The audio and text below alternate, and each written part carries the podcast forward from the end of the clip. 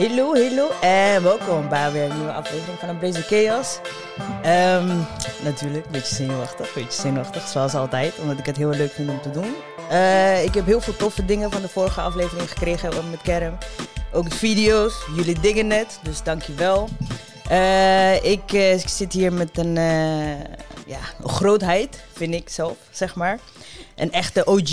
Ik dacht dat het een OG was, maar zij is niet een echte OG. Het is eigenlijk pas een nieuweling. en zij is Nederlands kampioen geweest. zesde van de wereld geweest. Nee. Is niet zesde van Nee, de wereld? Europa. van Europa. Zevende van. Europa, sorry hoor je. In mijn hoofd ben jij zesde van, weet je. Zo, dankjewel. zo hoog. Dat zo zou hoog. wel heel tof zijn, de beste van de wereld. Ooit. Gewoon, we, Ja. Embrace Chaos was de eerste dat je het zei. Nou, laat ik het zijn. en ik moet je feliciteren met heel veel dingen. Maar volgens mij is wel een van de grootste dingen die je tot nu toe hebt bereikt... is, je hebt kaartjes voor Taylor Swift, toch? Ja, ja. dat? Nee, Ja, daar moet ik mijn zus voor bedanken, want die heeft alles gedaan. En we zijn met heel veel mailadressen in die loting gegaan. Ja. En nou ja, e-mailadres van mijn vader was raak. En hij zat in Santiago. Nou, het was een heel organisatorisch gedoe. Ja, want- Maar we hebben kaartjes. Ik heb tenminste echt, weet je, ik vind dat dit benoemd moet worden. Want de afgelopen dagen, ik ben doodgegooid met iedereen, de hele wereld. ja. Dat ik dacht, wat gebeurt hier? Wie is dit? Echt. Ja, Dus ik Ja. moet je, weet je, want volgens mij is dat wel echt iets wel- groots. Dat is moeilijker, denk ik, dan een snatch van 80 kilo. Nee, maar eerlijk, Ja, toch? Ja, want er waren ze- 71.000 mensen, geloof ik, die kaartjes wilden Wat hebben. daarom? En nou, eh, eh, ja, nou, het is, het is mijn zus gelukt. ik dus, denk, eh, weet je, dat, daar, dat en verdient wel even ik was SO. bereid meer geld uit te geven. Dus we- het is ook gewoon een goede deal geweest. Even dikke, dikke SO naar jouw zus. Ja, dankjewel. En ja, ik dacht, ja, dankjewel Tirsa, weet je. En want ik zag ook, dat was dus ook heel grappig, want ik zag dus ook een ehm, post voorbij komen van een throwback van jou. Ook in een concert van Taylor Ja, Swift. Hoe ja. oud was je ongeveer dan? Oh, dan moet ik even heel hard nadenken. Ik was toen denk ik net 16. 16 was je toen. Ja, En toen dacht ik, misschien is het wel tof om te vragen van...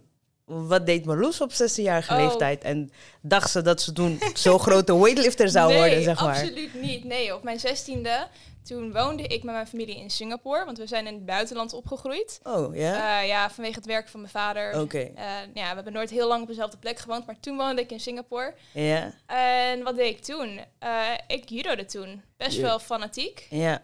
Wel altijd de sport eh, gedaan? Ja, altijd. Ja, ik heb al sinds mijn derde of mijn vierde gejudo'd. Dus Oh, dat is ja, dat heb ik al heel lang gedaan. Ja.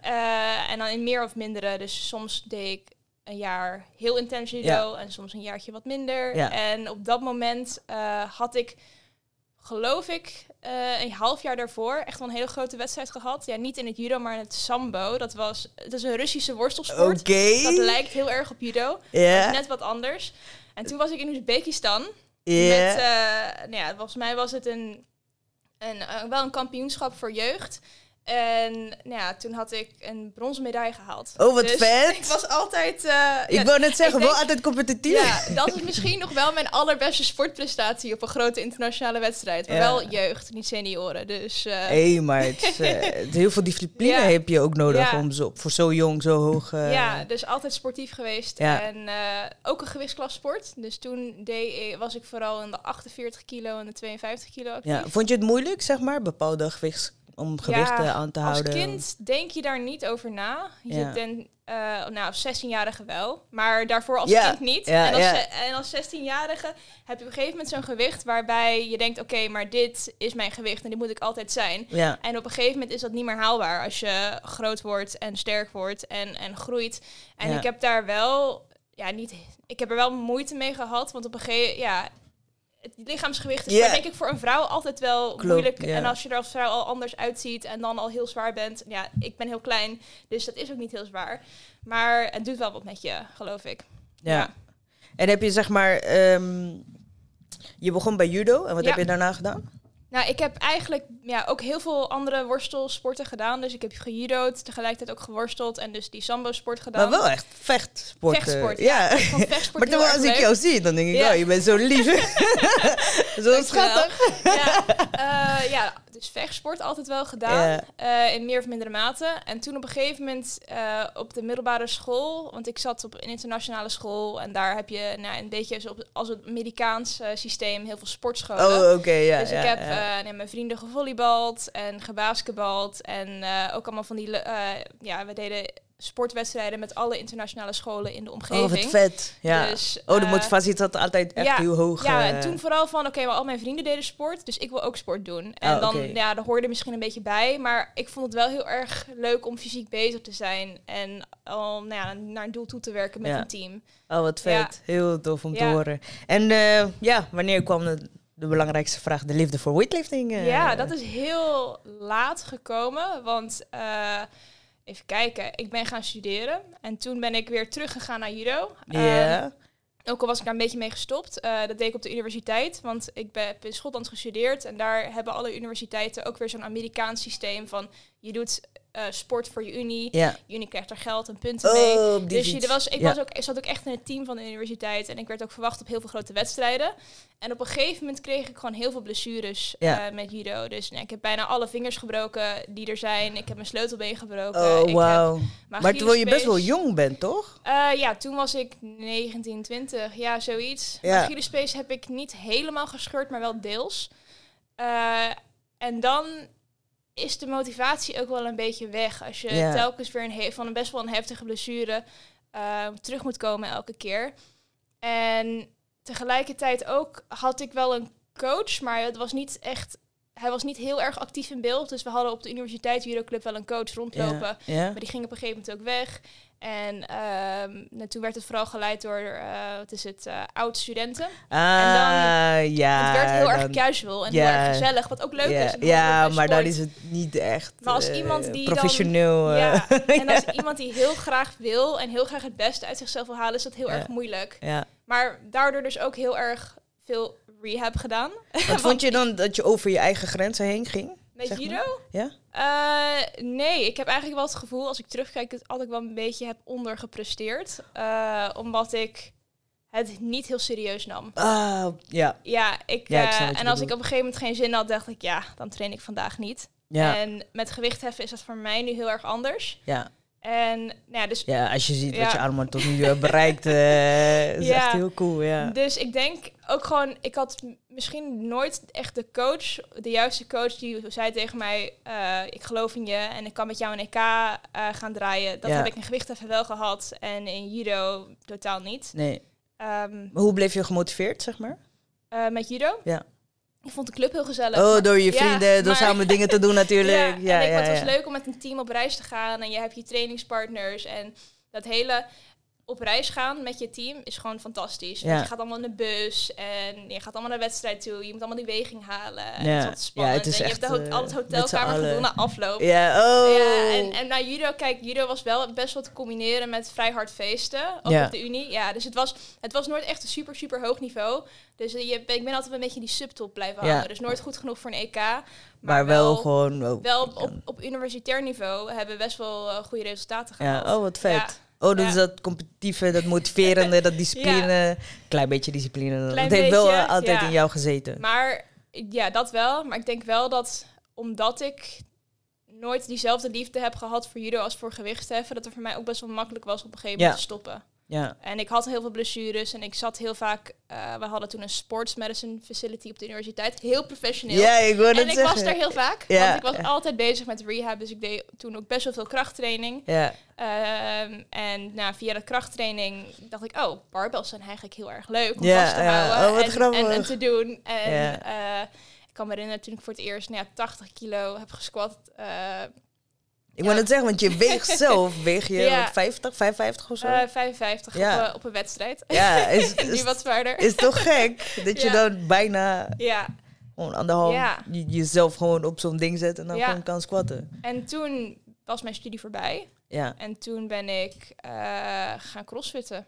ja, ja, Ja. crossfit. Hey. Dankzij crossfit is gewoon... ja, dit is volgens eh, mij de gateway. Ik eh, wou net zeggen, iedereen heeft weightlifting ontdekt door crossfit. ja, Maar eh, ja, hoe is je reis eh, begonnen in het in crossfit? gewichten. In de nee, crossfit. in crossfit, ja, crossfit. Even een stapje terug. Eh, ja, Nou, mijn moeder, eh, die deed als eerste crossfit in de familie. Oh, wat grappig. Ja, bij CrossFit Amstelveen destijds. En ehm, nou ja, zij vond het heel erg leuk. En ik dacht, nou ja, het zal wel leuk zijn. Dus ik ben toen een paar keer meegegaan. En ja, je weet hoe dat gaat met CrossFit. Ja, Als je dan, begint, eh, dan... Maar die eerste WOD Ja, vindt iedereen wel afschuwelijk, volgens Ja. mij. Tenminste, dat je Ja. zo op de grond ligt en dan te zweten. En je denkt, oh, waarom doe ik dit? Maar dan kom je gewoon de volgende dag weer. ja, en je wordt heel snel beter. En die progressie is heel erg leuk. En dat maakt CrossFit zo leuk. ja, Ja. echt heel vet. En vanaf daar, wanneer wist je dat je alleen maar weightlifting wil doen? Eh, ik kwam toevallig op een gegeven moment eh, in Utrecht te wonen. En toen eh, kwam ik bij de gym waar mijn trainer Jeremy nu ja, werkt. En daar kwam ik hem tegen. En toen zei hij, nou je bent oké in CrossFit, maar ik denk dat je wel goed kan worden in gewicht heffen. Oh. Als jij het ook wil.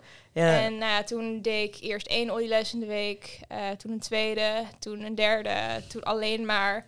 En, En, toen, eh, eh, en nu ja. gewoon fulltime, En, eh, is het gewoon fulltime baan geworden ja, eigenlijk. Ja. Ja. nu heb ik gewoon alleen maar gewicht heffen en ook gewoon, ja, nou ja, ik word online gecoacht en het is eigenlijk het enige wat ik doe. Ik ga, ik ga doen squats, ik doe snatches, ik doe clean and jerks. Ja. En, ja, technische training en dat is het. Ja, want het is echt. Ik vind zeg maar, ik volg je nu al een tijdje. En ik vind het zo tof. En het is zo gek, zeg maar. Je reis naar. Ja.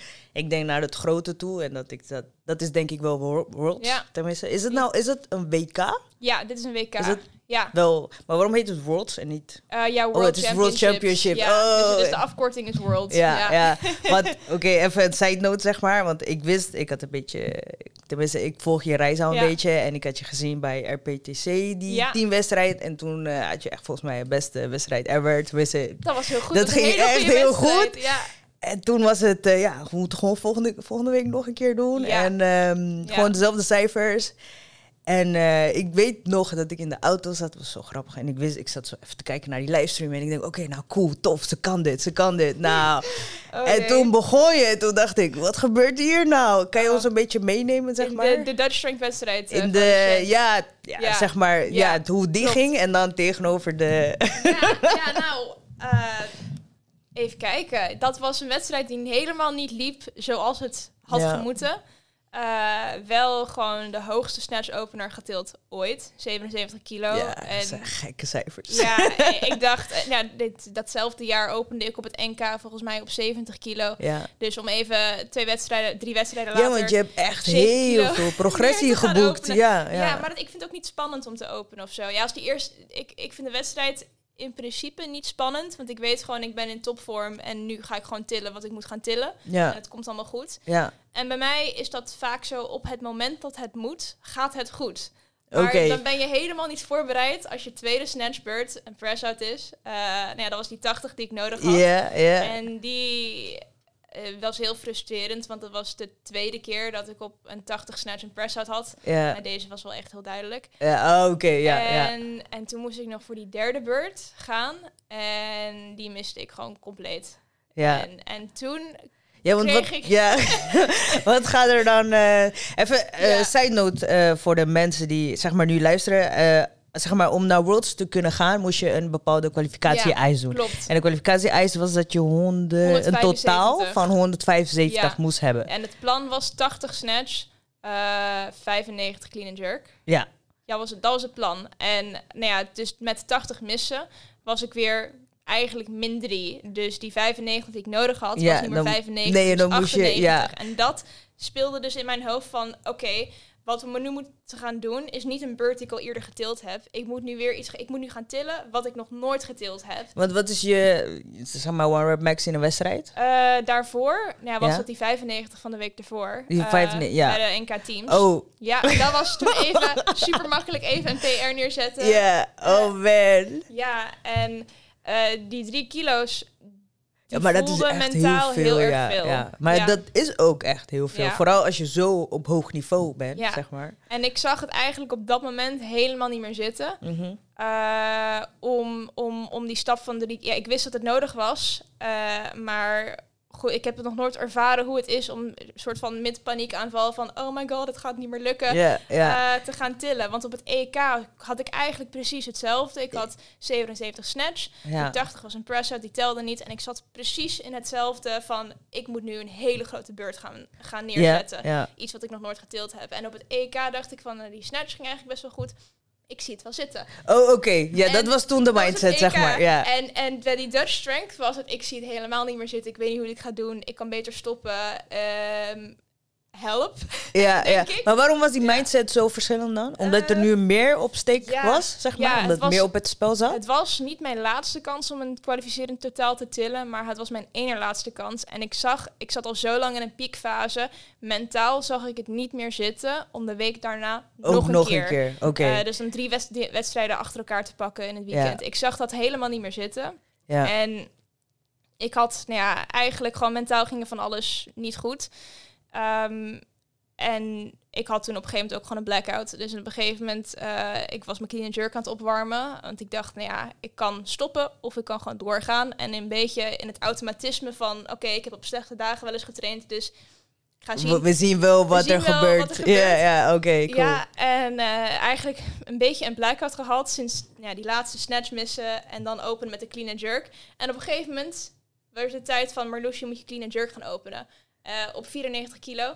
Mijn PR was 95 kilo. Oh. Ik dacht, weet je wat, gaan we gewoon op een PR openen. We zien Wat- wel hoe dat gaat. Wat was zeg maar die switch dat je dacht, eh, ik, Ja. ik ga maar gewoon staan en ik doe het gewoon, zeg Ik, maar? eh, ik werd een beetje wakker.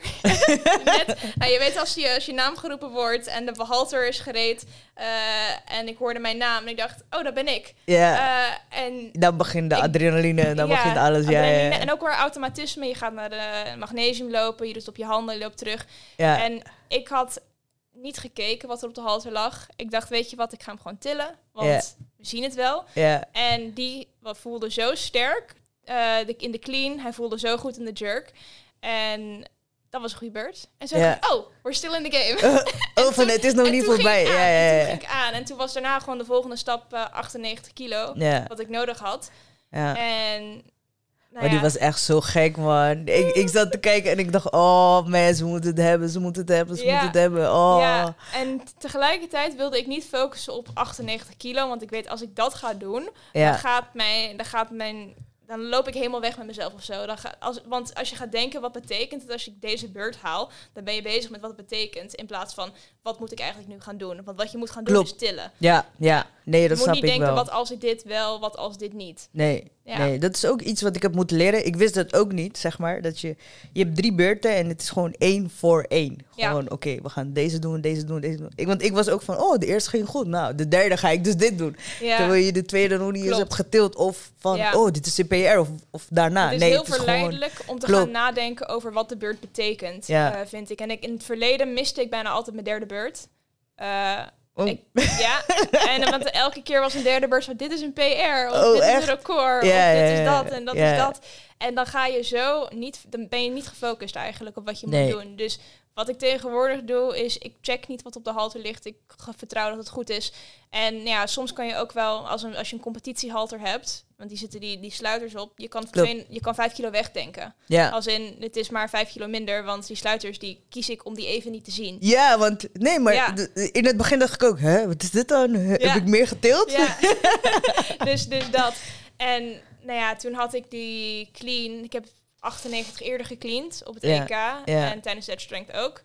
En ik hij voelde zwaar. Hij zag er zwaar uit. Maar ik stond hem op. En ik dacht, oh, oké. Nou, als ik opsta, dan, dan lukt dit. Ja, ja. Ja. nou, ik had ook een paar weken daarvoor voor het eerst 100 gejurkt van de blokken. Dus ik dacht, nou, in principe moet het erin zitten. ja. En hij ging, hij zat omhoog. En ik kon eigenlijk op het moment dat ik het down-signaal kreeg, niet geloven dat ik het down-signaal had gekregen. Dus oh, dat het was echt was gelukt. Ja, ja. dat S was gelukt, dus ik liet hem vallen. En ik was er van, en nu wat? En nu wat? En toen nou ja, zag ik drie wit, of witte, witte, witte lichten. Ja, En nou, toen kwam alle emotie. ja, tuurlijk. Ja. Ja. Oh, wat En- vet, man. Ik vond het ook zo tof, want je hebt heel hard gewerkt daar naartoe. Ja, wat, Wat, ja, het is niet alleen het WK-ticket. Het is inderdaad gewoon al die uren van gaat het wel lukken, gaat het niet lukken, Ja. gaat het wel lukken. En En natuurlijk Ja. weet je ook heel veel dingen eromheen, wat gewoon soms moeilijk maken om je te blijven concentreren op het weightlifting zelf. Want wat, ehm, wat moet je allemaal doen om überhaupt te kunnen kwalificeren voor een WK, zeg maar? Ja, nou tegenwoordig... waar begon het? Waar begon het? Eh, de hele reis bedoel je? ja, zeg maar in principe. Want Ja. het is je begin, je moet je sowieso, Ja. wat is het, NK en dan... ja, je moet je plaatsen voor een NK. Dus je moet eerst daarvoor nog een wedstrijd pakken. Gewoon een, een normale Gewoon- regionale wedstrijd. Eh, om, om, op de, om die top 25 te halen eh, van de Van, dames. van Nederland dan, Van zeg Nederland. maar. Ja, ja. Dan ga je naar het NK toe. Ja. Eh, dat is zeg maar de eerste drempel. En gewoon omdat je het op het NK staat, dat betekent niet dat je naar het EK gaat. Je moet dan ook nog een bepaald totaal tillen om naar het EK te gaan. ja, dat is stap 2. Ja. Eh, en voor mijn gewichtsklasse was dat volgens mij... Want jij zit in de 100, 55, 55 gewichtsklasse, ja. ja, Volgens mij is dat totaal nu, volgens mij 171 of Oh, 170 van het EK. Als 55 kilo wegende persoon. Oh my gosh. En dan Ja. eh, voor het WK is dat nou ja, 175. En het getal wist ik al maandenlang. Van 175 heb ik Ja. nodig dit jaar. Ik heb het nodig, want dan ga ik naar het WK. Want wist je dat er wel, vanaf wanneer, op welk moment denk je van, oké, dit is mogelijk, zeg maar. Was het vanaf het begin dat je toen begon met weightliften? Of denk je, heb je altijd, of was het pas ik- daarna? Ik heb eigenlijk bij mijn eerste gewichtenwedstrijd nooit gedacht... ik ga naar een EK of naar een NK of naar een WK. Ja. Nee, in mijn eerste wedstrijd was gewoon... Jeremy die zei, hey, wil je een wedstrijd doen? En ik dacht, ja, why not? Ja, Ja. ja, voor de gezelligheid Ja, toch? nou, ja. Ik ben ook best wel competitief. Dus Klopt, ja, dat en hebben op een we gegeven moment denk je van, oké, eh. nou ja, in mijn gewichtsklasse zijn, zijn zo en zo mensen. En nou, wat til ik vergeleken met hun? Ja. Eh, wat moet ik tillen om naar een NK te gaan? En elke keer zie je dat doel een beetje opschuiven. Ja, ja want je vertelde dus net ook eh, dat je eerste NK was in Ja. 2020 eigenlijk. was. 2020, ja. En twee jaar verder, eh, twee, drie, Drie jaar, jaar drie jaar verder. Ja. Soms Ja. denk ik 2020 telt niet. Ja, nou, mijn allereerste wi- gewichtenwedstrijd was in 2019, was het Open NK. Ja, En daarmee had ik mezelf gekwalificeerd voor het NK ja. in 2020. Dus het was nog de goede helft Ja, de, van ja voor, 2020. we gaan er niet over praten. Ja. Eh, en dat was in februari, inderdaad. Eh, toen stond ik op het NK. Toen had ik één tegenstander. Ja, En toen had ik gewonnen. ja. Oh, vet. Ja, ja. En eh, ja, dan daarna ga je, ga je door met trainen. En toen eh, begon de rollercoaster en nu heb je gekwalificeerd voor World. Ja, Heel vet. klopt. Ja, en ik kan me ook nog wel een moment herinneren. eh, volgens mij was het een jaar na, na mijn eerste NK... dat Jeremy tegen mij zei van... ik denk dat je wel naar een EK kan... als je hard door blijft werken. Ja.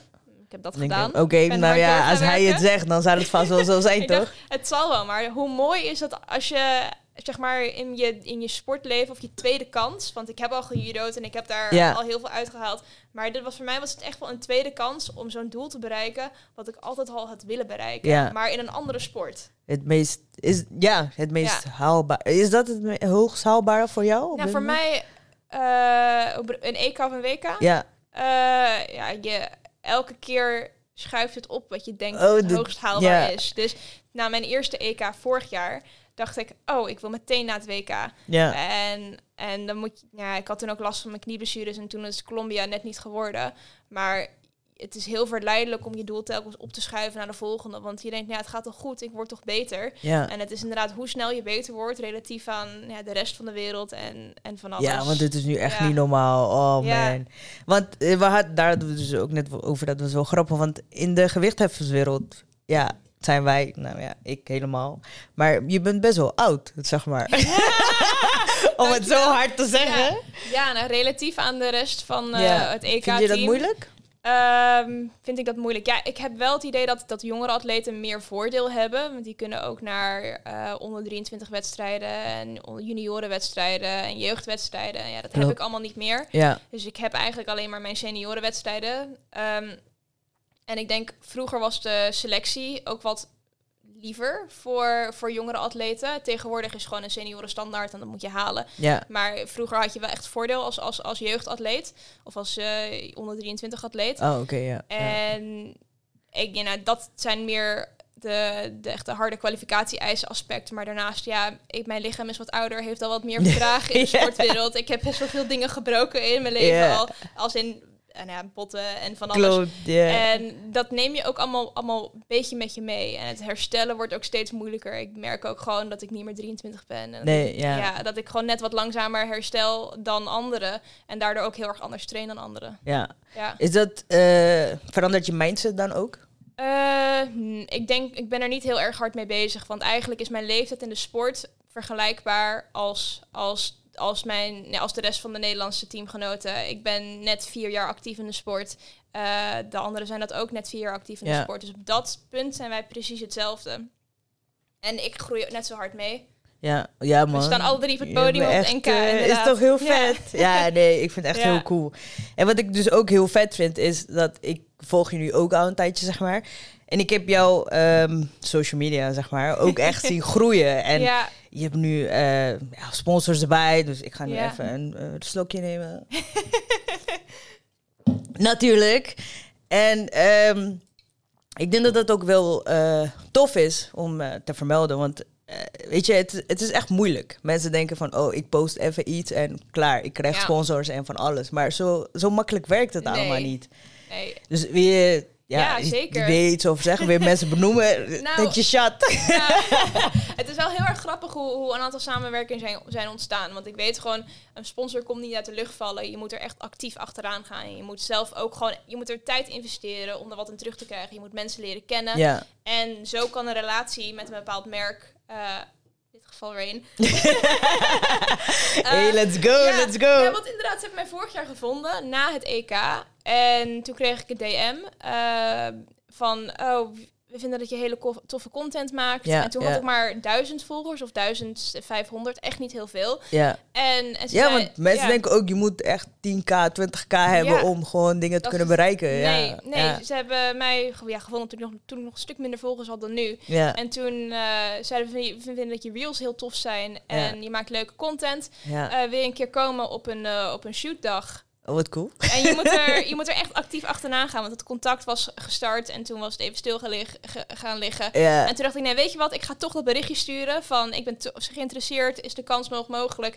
En nou ja, dat ging heel erg hard. Ik eh, kreeg mijn eerste, eerste zit levering aan, aan, aan eh, energiedrankjes en toen mocht ik naar een shoot gaan Oh, en dat vet. was eh, heel erg tof. Ja, echt heel cool. Ja. Ja. En nu, een, eh, nou ja, een jaar later, hè, zij ze betalen voor mijn WK. Dat is echt fantastisch. Oh, dat is toch Ja. gek. Ja, Ja. echt. Ik vind het zo cool. En ik, zeg maar, ik zag het voorbij komen en ik dacht, yes. ja, ja.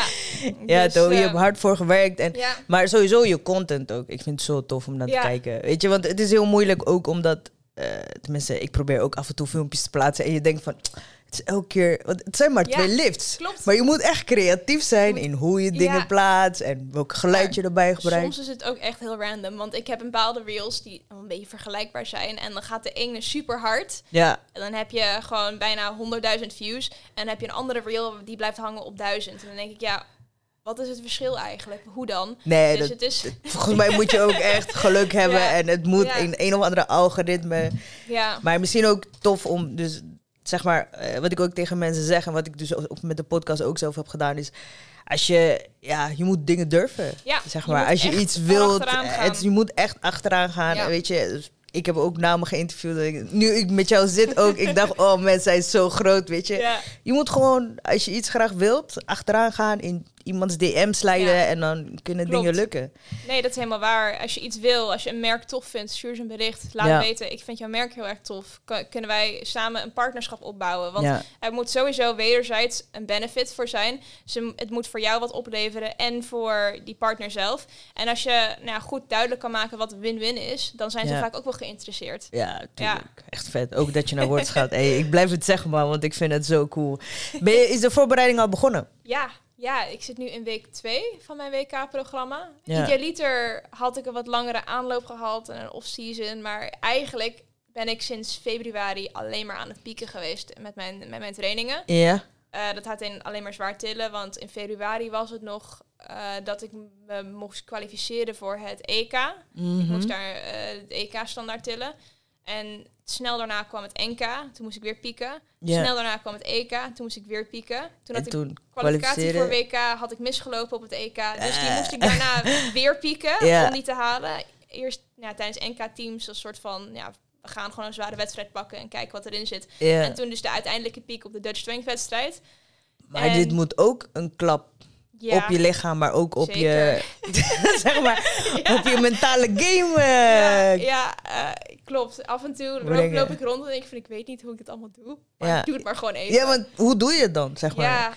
Want je hebt na- hiernaast, eh, dit is natuurlijk ook wel heel tof, Ja. maar hiernaast heb je gewoon een privéleven. En hiernaast Klopt, ga je ja. ook gewoon trouwen en je Ja. moet heel veel dingen en plannen. En, je werkt gewoon fulltime. Dus Ja. hoe, ja, Ja, dit is... de eh, grote vraag. hoe doe is je een het beetje allemaal? dus de, de zomer van mijn leven. Het, is echt, het staat niet normaal vol met allemaal evenementen. En het zijn ook echt hele leuke dingen om te doen. Maar het is heel erg veel. En ik merk ook af en toe dat, ik- dat ik echt helemaal nou ja, overwhelmed ben van wat ik allemaal aan moet doen en ga doen en aan het doen ben. En het is gewoon zwaar. Eh, maar ja, voor mijn uitweg is gewoon plannen. Ja, Plannen, plannen, plannen. Want als je niet plant, dan kan je dingen niet eh, op een rijtje zetten. En dat, het geeft gewoon mentaal rust als je weet. Maar dat is pas dan. Dus ik hoef er nu niet over na te denken, want dat staat oké. dan dat gepland. ja, want ik wou net zeggen, hoe Ja. hou je dan, plan je dan ook je rustmomenten? Ja, en ik ben er heel slecht in. Nee zeggen tegen mensen. Nee zeggen tegen eh, allemaal kansen of, of vrienden. Maar ik moet nu gewoon nee zeggen tegen alles en iedereen. Ja, want Ja. anders loop je jezelf ook alleen maar in de weg, denk ik. Ja, ook. en ik denk dat, het, dat dat is echt wel mijn valkuil. Ik ben iemand die altijd heel erg enthousiast ja zegt op alles. Ja. En eh, ook gewoon uit een beetje zelfbescherming, ook van je rust en je eigen tijd. Eh, je moet gewoon durven nee zeggen. En het- ja, misschien stel je iemand teleur, maar het eh, alternatief is dat je jezelf helemaal Ik wou net zeggen, dan ga je Ja. op het, aan het einde aan ga het je jezelf bent. teleurstellen. Ja, en niet dat wil je alleen, ook niet, ja. alleen met trainen, maar ook gewoon sociale dingen. Het kost gewoon tijd om ergens eh, ja, van bij te komen. Nee, maar dat is, Ja, dat is echt zo. En vooral als je vijf keer per week moet trainen. ja. Ja, Of wel meer. nee, vijf keer. Oh, gelukkig. ja, ja. Ja. klopt. Het kost gewoon tijd. En, en gewoon goed overleggen. Eh, nee, dus ik, omdat ik ook fulltime werk, eh, betekent dit dat ik eh, ja, dat ook gewoon heel goed moet plannen. En heel duidelijke afspraken moet maken van... Ja, kijk, na vijven kan je mij niet bereiken, want ik ben aan het trainen. Want Ja. hiernaast doe ik dit. En dat is voor al mijn collega's in overleg gewoon helemaal oké. Oké, en op dat is wel fijn. dagen, ja. ja. en op rustdagen, dus bijvoorbeeld een maandag, is morgen, dan heb ik een kantoordag en dan heb ik ook een rustdag, dus dat komt goed uit, want dan heb ik ook wat langer op kantoor om ook gewoon de sociale dingen te doen en misschien wat langer door te werken. Oké, ja, ja. Eh, dus dan ben ik misschien niet om vijf uur klaar, maar om zes uur. Want hoe, prima. hoe is jouw werk dan ook, zeg maar, hierin met dat... Het, is, het lijkt me niet makkelijk, want je Nee. zegt ja, eh, weet je, volgende maand moet ik naar een EK. Dan moet ik naar een EK. Dus ja, doe maar vakantieuren inplannen. En, eh, ja, ik kan me herinneren dat ik in, in februari, eh, ik zei tegen mijn collega, ik weet niet of ik naar alle wedstrijden ga, maar dit is alvast een lijstje van data waarop ik misschien weg ben. oh, komende cool. jaar. Ja. Ja, en eh, mijn collega's zijn natuurlijk ook supporters. Die vinden het ook super tof. Oké, wat Ze- vet. Heel veel hebben ook gewoon het EK gekeken. Oh nee, oh, oh, dat is wel vet. Maar dat is wel fijn, dat, dat Ja. een beetje je support, ja, zeg maar. ja, maar gewoon is. goed afstemmen. En ik werk nu 36 uur, maar ik vind het heel erg veel. En, ik, en het is nu zomertijd, dus het is wat rustiger op werk. En dat is prima, maar het is wel te voorzien dat ik misschien niet 36 uur ga werken voor altijd. Want het is eigenlijk in combinatie met gewichtheffen heel zwaar. Ja, ik, ja. Ja. echt. Ik Ja. wou net zeggen, ik, ik ben niet eens... ik, ik doe niet eens hij is gewoon hoe jij het doet.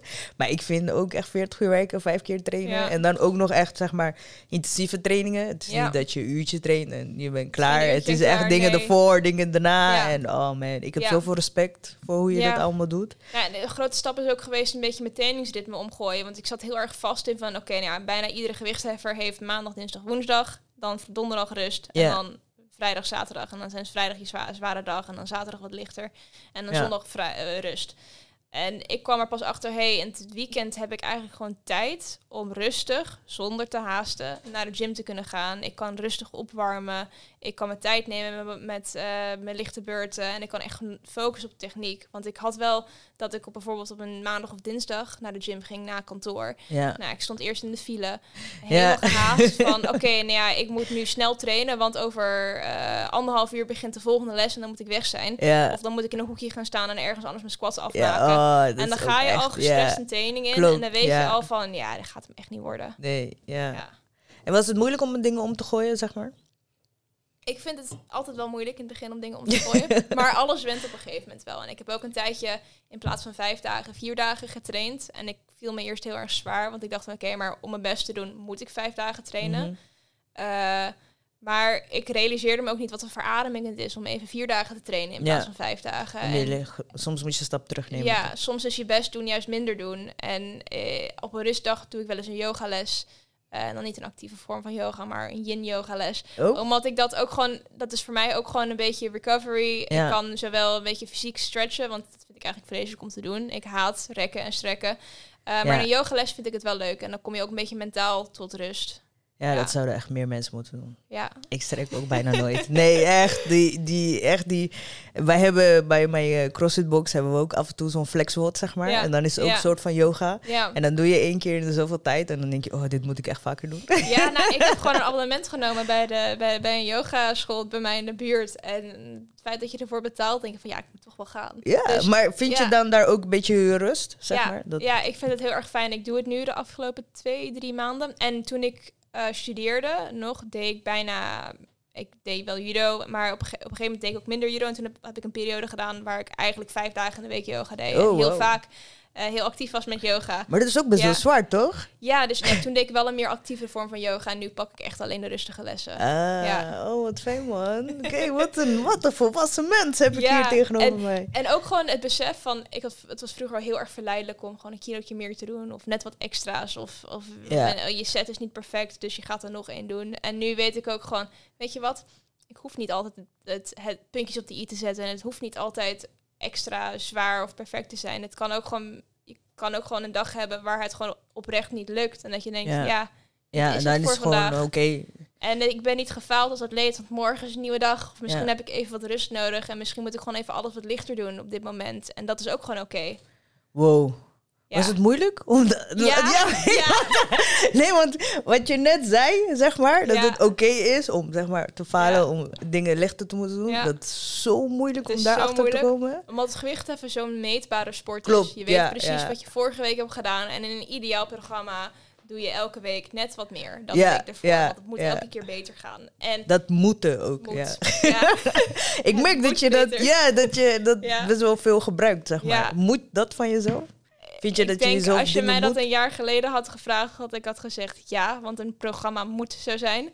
En nu weet ik ook van, als het linksom niet gaat, dan gaat het rechtsom wel. En gewoon omdat je, en ik heb gisteren voelde ik me heel erg moe. En toen heb ik gewoon, ik, ik zag hele leuke ranges voor mijn, eh, voor mijn eh, training. En ik dacht, ja, ik ga er gewoon 10 kilo afhalen, want het lukt niet. Ja, Ja, wauw. Ja. Volwassen. ja, maar om dat te beseffen, want Ja. dat is echt heel groot. Ook als Ja. atleet, om dat even te beseffen. Dat, dat is je niet gewoon... eh, in één dag dat ik eh, op het idee gekomen van, weet je wat, het moet wat lichter. Ik, het is ook voor mij een lang traject geweest. Eh, sinds het afgelopen najaar had ik heel veel last van blessures. En ook mentaal ga je dan helemaal... Je loopt tegen jezelf aan. Ik ben ook... ik ben ook bijna elke maand, of eens in de twee weken, zelfs bij een sportpsycholoog die me daarbij helpt. En als ik kijk naar de Marloes van toen en de Marloes van nu, ben ik zo volwassen geworden. Oh shit, dus ik Ja. had je eigenlijk een jaar geleden moeten interviewen. Nee. Wat vond je het moeilijk om dan, zeg maar, eh, ja, toe te geven dat je met iemand moet gaan Ja. praten? Ja, niet toe, ja, eigenlijk wist ik het altijd wel, maar die eerste stap voelt toch wel als een drempel. Want het is eigenlijk als je hulp hebt, realiseer dan pas dat het eigenlijk dat meer mensen hulp hebben en jij Ja. niet de enige bent. Ja. Maar als jij verder niemand kent en het gesprek niet aangaat met mensen, Klopt, ja. ja. Iedereen loopt tegen dingen aan. En soms is het gewoon heel erg fijn om iemand te hebben die niet betrokken is bij de sport. Die niet je coach is, die niet je partner is. Om gewoon te zeggen, dit, dit, dit gebeurt er allemaal, dit doet het met mij, help. Ja, ja, oh wat fijn. Ja. Oh wat vet. Nee, maar ik vind het heel tof dat je dit zomaar doet. Want ik vind bijvoorbeeld de mentale aspect van dingen Ja. vind ik heel belangrijk. En ik zeg ook tegen mensen van, weet je, ik loop zelf ook in therapie. En soms Ja. moet je gewoon Ja. over dingen praten om je juist beter te voelen. En Zeker. ik denk dat we ons, dus dat we daar steeds meer beter en meer over moeten praten. Dus ik vind het ook heel fijn dat je dit zo benoemt. Nee, maar dit is een heel grote stap. Ook vooral in de weightlifting wereld merk ik dat het, is, zo groot. sport, ja, hè? ik heb het zwaar onderschat hoe mentaal het is. En Weet je, en je staat daar toch in je eentje en jij Ja. met je gedachtes en die moeten maar goed zijn, want anders mis je weer alles en dan ga je Ja. weer jezelf de schuld geven van alles.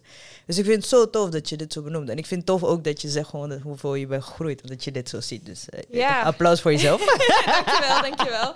Ja. Zijn er ehm, dingen die je, heb je de rust nou gevonden eigenlijk? Zeg Een maar? stuk, ik ben een stuk rustiger geworden. En ik is grappig, want ik was ook vorige week met een vriendinnetje in Spanje. En nou ja, wij, vroeger, toen wij samen CrossFit deden, Ja, eh, liepen trainingssessies wel eens uit de hand. Dat we gewoon- dachten, weet je wat, we gaan nu zwaar maxen elke heel keer. echt oké. En, en, en, en, en eh, dat, was, dat was voordat ik echt nog programmering deed. En, Ja. en nu, zei, zij zei ook tegen mij van...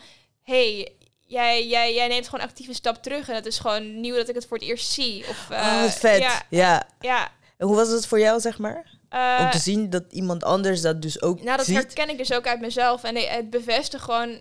Dit is het, wat, wat ik nu doe is goed. Want het hoeft niet altijd super extra of super zwaar of super de beste sessie van je leven te zijn. Ja. Het is juist heel erg goed als je die momenten herkent van ik doe nu een stap terug. Eh, hetzelfde al, eigenlijk van ja, ik, ik ga niet uit voor een zware training, want ik, ik, wil, ik wil gewoon goed kunnen herstellen. Eh, mijn vrienden gaan een berg bewandelen en eh, ik ben uitgenodigd en misschien heb ik FOMO als ik niet meega. Maar ja, ik denk, ik ga toch niet mee, want Nee. ik weet wat ik moet doen en ik heb mijn doelen. En, en dat is oké dat, dat wij daar anders in zijn. En, en, en je vrienden zijn niet eens je vrienden. Je vrienden blijven je vrienden onafhankelijk van wat je doet. Klopt, ja. Ja, Ja. het goede vrienden zijn. Heel veel, ja, ja, Ja. heel veel wijsheden right Ja. here. Heel veel wijsheden. Oh man, wat tof. Ja, en ik had Ja. altijd ook wel van, oké, als ik nu een beurt post op social media, moet het wel een zware beurt zijn, want zware beurten vindt iedereen tof. Ik zie laatst ook bij bepaalde gewichtheffers die ik volg, ook hele luchte beurten die er Ja. technisch zo goed uitzien. Ik denk van, dit, dit is eigenlijk, het is heel verleidelijk om alleen te laten Ja, zien want daar wil ik je dus ook tilt. zeg maar naartoe Ja. is. ehm, ja, je post natuurlijk heel veel op social Ja. media. Vond je dat moeilijk in het begin? Van oké, ik Dus moet dus beginnen- zeg maar mijn zware beurten alleen posten. En En, je zware beurten posten is altijd leuk. ja, ja, nee, dat sowieso. Maar ook dat de, is niet moeilijk. om nee. zeg maar de andere kanten Ja. te posten. Om ja, kwetsbaar te zijn. Ja, om, dat, is, dat blijft altijd wel een moeilijk dingetje. En eerlijkheid is zeer ondergewaardeerd. En je ziet eigenlijk op Insta alleen maar een highlight reel Klopt. van mensen. Of de, Ja. voornamelijk zie je een highlight reel. En wanneer eh, er zijn veel, er zijn ook mensen die gewoon de echte waarheid posten en of de, hoe het met ze gaat en, eh, en zo. En ik denk dat zulke posts veel meer aandacht verdienen Ja. dan... hey, ik heb net eh, een PR gesnatcht. Klopt, ja, ja, is dat is ook wel En- zo, ja. Het is natuurlijk voor mij ook... Ik post ook... Ik heb net een PR gepost. Maar Gewoon trots zijn op jezelf. Nee, maar dat is- mag, weet je, zolang er maar balans is, ja, toch? het is heel verleidelijk. En, en ik wil eigenlijk ook gewoon... Ik dacht er laatst ook over na. Je moet eigenlijk misschien al actief minder PR's posten. En misschien gewoon beter... Betere beurten. Want ik heb technisch iets geleerd. En dat zie je in deze lichte beurt bijvoorbeeld. En dat Ja. is... Kijk... eh, je denkt altijd als je begint met gewichtheffen, de toppers die naar het WK gaan, tillen alleen maar zwaar.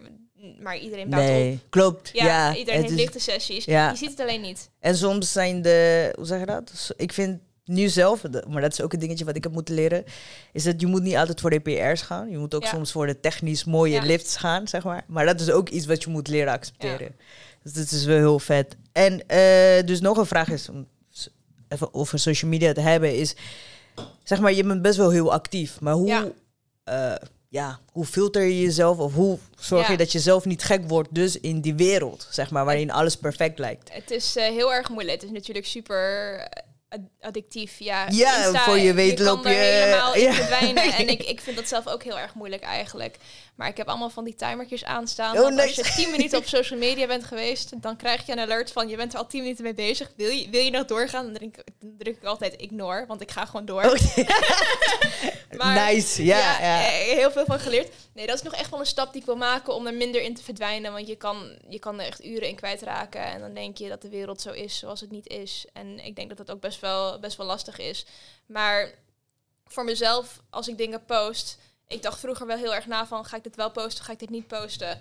En nu denk ik van, ja, ik post wat ik tof vind. Ik post wat ik te gek vind. En ik post ook hoe het met me gaat. En als je het niet leuk vindt, hoef je het niet te liken. Klopt, Je ja. mag me ook onvolgen. Ja, dat is allemaal ja, oké. Maar ja, ik, Het is eh, gewoon jouw eigen ding ik ben. eigenlijk. En je moet jezelf laten zien. Je moet laten zien wie, wie je bent op social media. Want als je niet laat zien eh, wie jij bent, eh, dan wordt het heel erg moeilijk om, om ook samenwerkingen aan te gaan. Klopt. Want mensen vinden jou tof. Ze hebben een bepaald Ja. beeld gaan ze vormen van Ja. jou. Ja. Ja. En het moet ook kloppen met je in je identiteit, met wie je zelf bent. Want als je gaat voordoen alsof je iemand bent die je niet bent, dan denk ik dat je daar heel erg veel moeite mee gaat hebben. ja. Want dan moet je altijd die persoon zijn of dat imago dat je hebt Maar gecreëerd. dat lijkt me ook wel moeilijk. Dat lijkt me heel moeilijk. Ja, Om iemand anders te moeten Ja, zijn die je niet bent. Maar als je altijd mooi weer speelt bijvoorbeeld, dat lijkt me Klopt. heel erg lastig. Want dan denk ik dat je, dat je dan heel erg gaat doen voor anderen en je leeft dan niet meer voor jezelf. En als ik, als ik train, ik doe het voor mezelf. Als ik post, ik doe het voor mezelf. Ik doe eigenlijk alles omdat ik dat tof vind. ja. Ja, Oh, wat vet man. ik vind het zo tof om je te horen praten. Je, echt, eh, je werkt, bij mij werk je ook heel motiverend. En dat vind ik Ah, wel heel dat is leuk. leuk om te ja, horen. tuurlijk. Ja, want dan hoor je ook dat mensen ook ja iets mindere kanten hebben, zeg maar. zeker. Dat het niet allemaal eh Ja. roze geur en maneschijn is. Eh, is er iets wat je zelf kwijt wilt? Of Ik is zelf er iets kwijt ja, wil? wat je wil vertellen? Of, eh, Nou ja, ik ben heel erg, ik heb heel veel zin in het WK. ja. Ik, eh, ik moet er nog wel, eh, wel veel voor doen om daar te komen qua training. En ik heb er gewoon heel veel zin in. ben je wel eh, echt Spannend, van je maar- leven. ja, maar ik weet altijd wel op een wedstrijd komt het altijd weer goed. Dus ik, Want heb je dat altijd gehad? Dat je, want je hebt, tenminste, wat ik heb ontdekt, is dat je twee verschillende mensen hebt. Je hebt mensen die op wedstrijd staan en echt de tijd hebben van hun leven. Ja, Ja. Ik ben ook zo één. Ik Ja. vind het geweldig om op podium te staan, te liften. Iedereen die naar je kijkt, bla bla. En dan heb je die mensen die echt, zeg maar, die dat niet zo leuk vinden. Die echt in hun zone zitten en echt, Ja. zeg maar.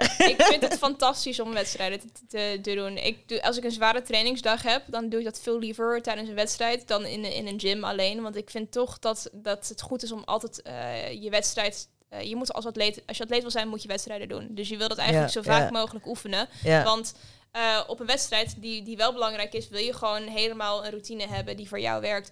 En nou ja, ik sta al sinds mijn vierde op wedstrijden. En in minder of min, meer of mindere vorm. Eh, ik, ik heb als judo, als judo kindje altijd wedstrijden gedaan. ja, dus je moet wel altijd Dus- presteren eigenlijk. Precies. en ik vind wedstrijden echt fantastisch. Ik ga aan op een wedstrijd. Ik til altijd Ja. meer op een wedstrijd. Ik vind het niet spannend om op mijn PR te openen op een wedstrijd. Want Ja. ja, ik weet gewoon, dit is het moment waarbij ik in topvorm ben. Ja. Dus als ik nu in topvorm ben, dan gaat het op het plank hier ook gewoon goed. Want ik heb de adrenaline. eh, Klopt, hey, ja. dat helpt echt. Dat ik heb echt, echt. het gevoel Ja, alsof ik vijf kilo extra kan liften. Ja, nee, precies. echt. Ik ga echt helemaal aan. En ik vind dat echt fantastisch om te hebben. Want het is altijd wel iets waar je dan op terug kan vallen van... Oké, misschien is trainen niet goed geweest de afgelopen week. Of twee weken of drie weken. Ja. Maar als een wedstrijd is, dan heb ik een extra superpower waar ik, waar ik gebruik van kan maken. En dat is heel fijn. Want heb je wel eens een ja, bom-out gehad op een wedstrijd? Nee. Ik klop het af. En Wel hopelijk gebeurt het nooit. Ja. Nee, Toch? nee ik heb nog geen, eh ik heb nog geen bom-out gehad. En Ja. ik denk ook dat het wel zwaar gaat worden als dat voor het eerst gaat gebeuren. Maar het overkomt iedereen, een bom-out. ja. Ja. En je leert jezelf ook steeds meer kennen. En Nu met Ja. deze wedstrijd ook. En de ja, Alles is een mentale game en alles. Ja, alles is een ervaring. Klopt. Eh, nee, ik denk dat we het een, eh, een beetje gaan afronden. Helemaal goed. Ik, ik vond het heel vet om met je te zitten, om met je te pra- te praten. Ik eh, wens je heel veel succes. Dankjewel. Echt, Ja. ik weet, eh, als je gewoon blijft doen wat je blijft doen, dan gaat het zeker Ja. heel goed komen. En natuurlijk een shout-out naar Rain. Dankjewel. Ja, shout-out naar Rain. En Be Extra, die ook eh, jouw kleding, kleding, eh, verzorgt. En eh, moeten we nog meer namen noemen? Nee, dat ja, WK Sportkeer voor de duimtape. Weeskap Ik heb voor het de nu niet duimtape. op, maar dat is natuurlijk echt, de beste tape ever. ik gebruik andere tape, maar ik ga niks meer zeggen. maar ja, echt, eh echt eh, dankjewel. Ik vond het een heel tof Ja. gesprek. En dankjewel dat je zo eerlijk was. Ik denk dat mensen heel veel van kunnen leren. Ook van de mentale game, zeg maar. Ook dat je dingen moet plannen. Dat is natuurlijk het belangrijkste. En eh, we gaan sowieso wel zitten eh, als je terug bent om Ja. alles eh, te horen. me leuk inderdaad. En ja. ja, het is heel vet. Ja, iedereen die heeft geluisterd, die blijft luisteren, dankjewel. Dankjewel voor alle support. En tot de volgende podcast.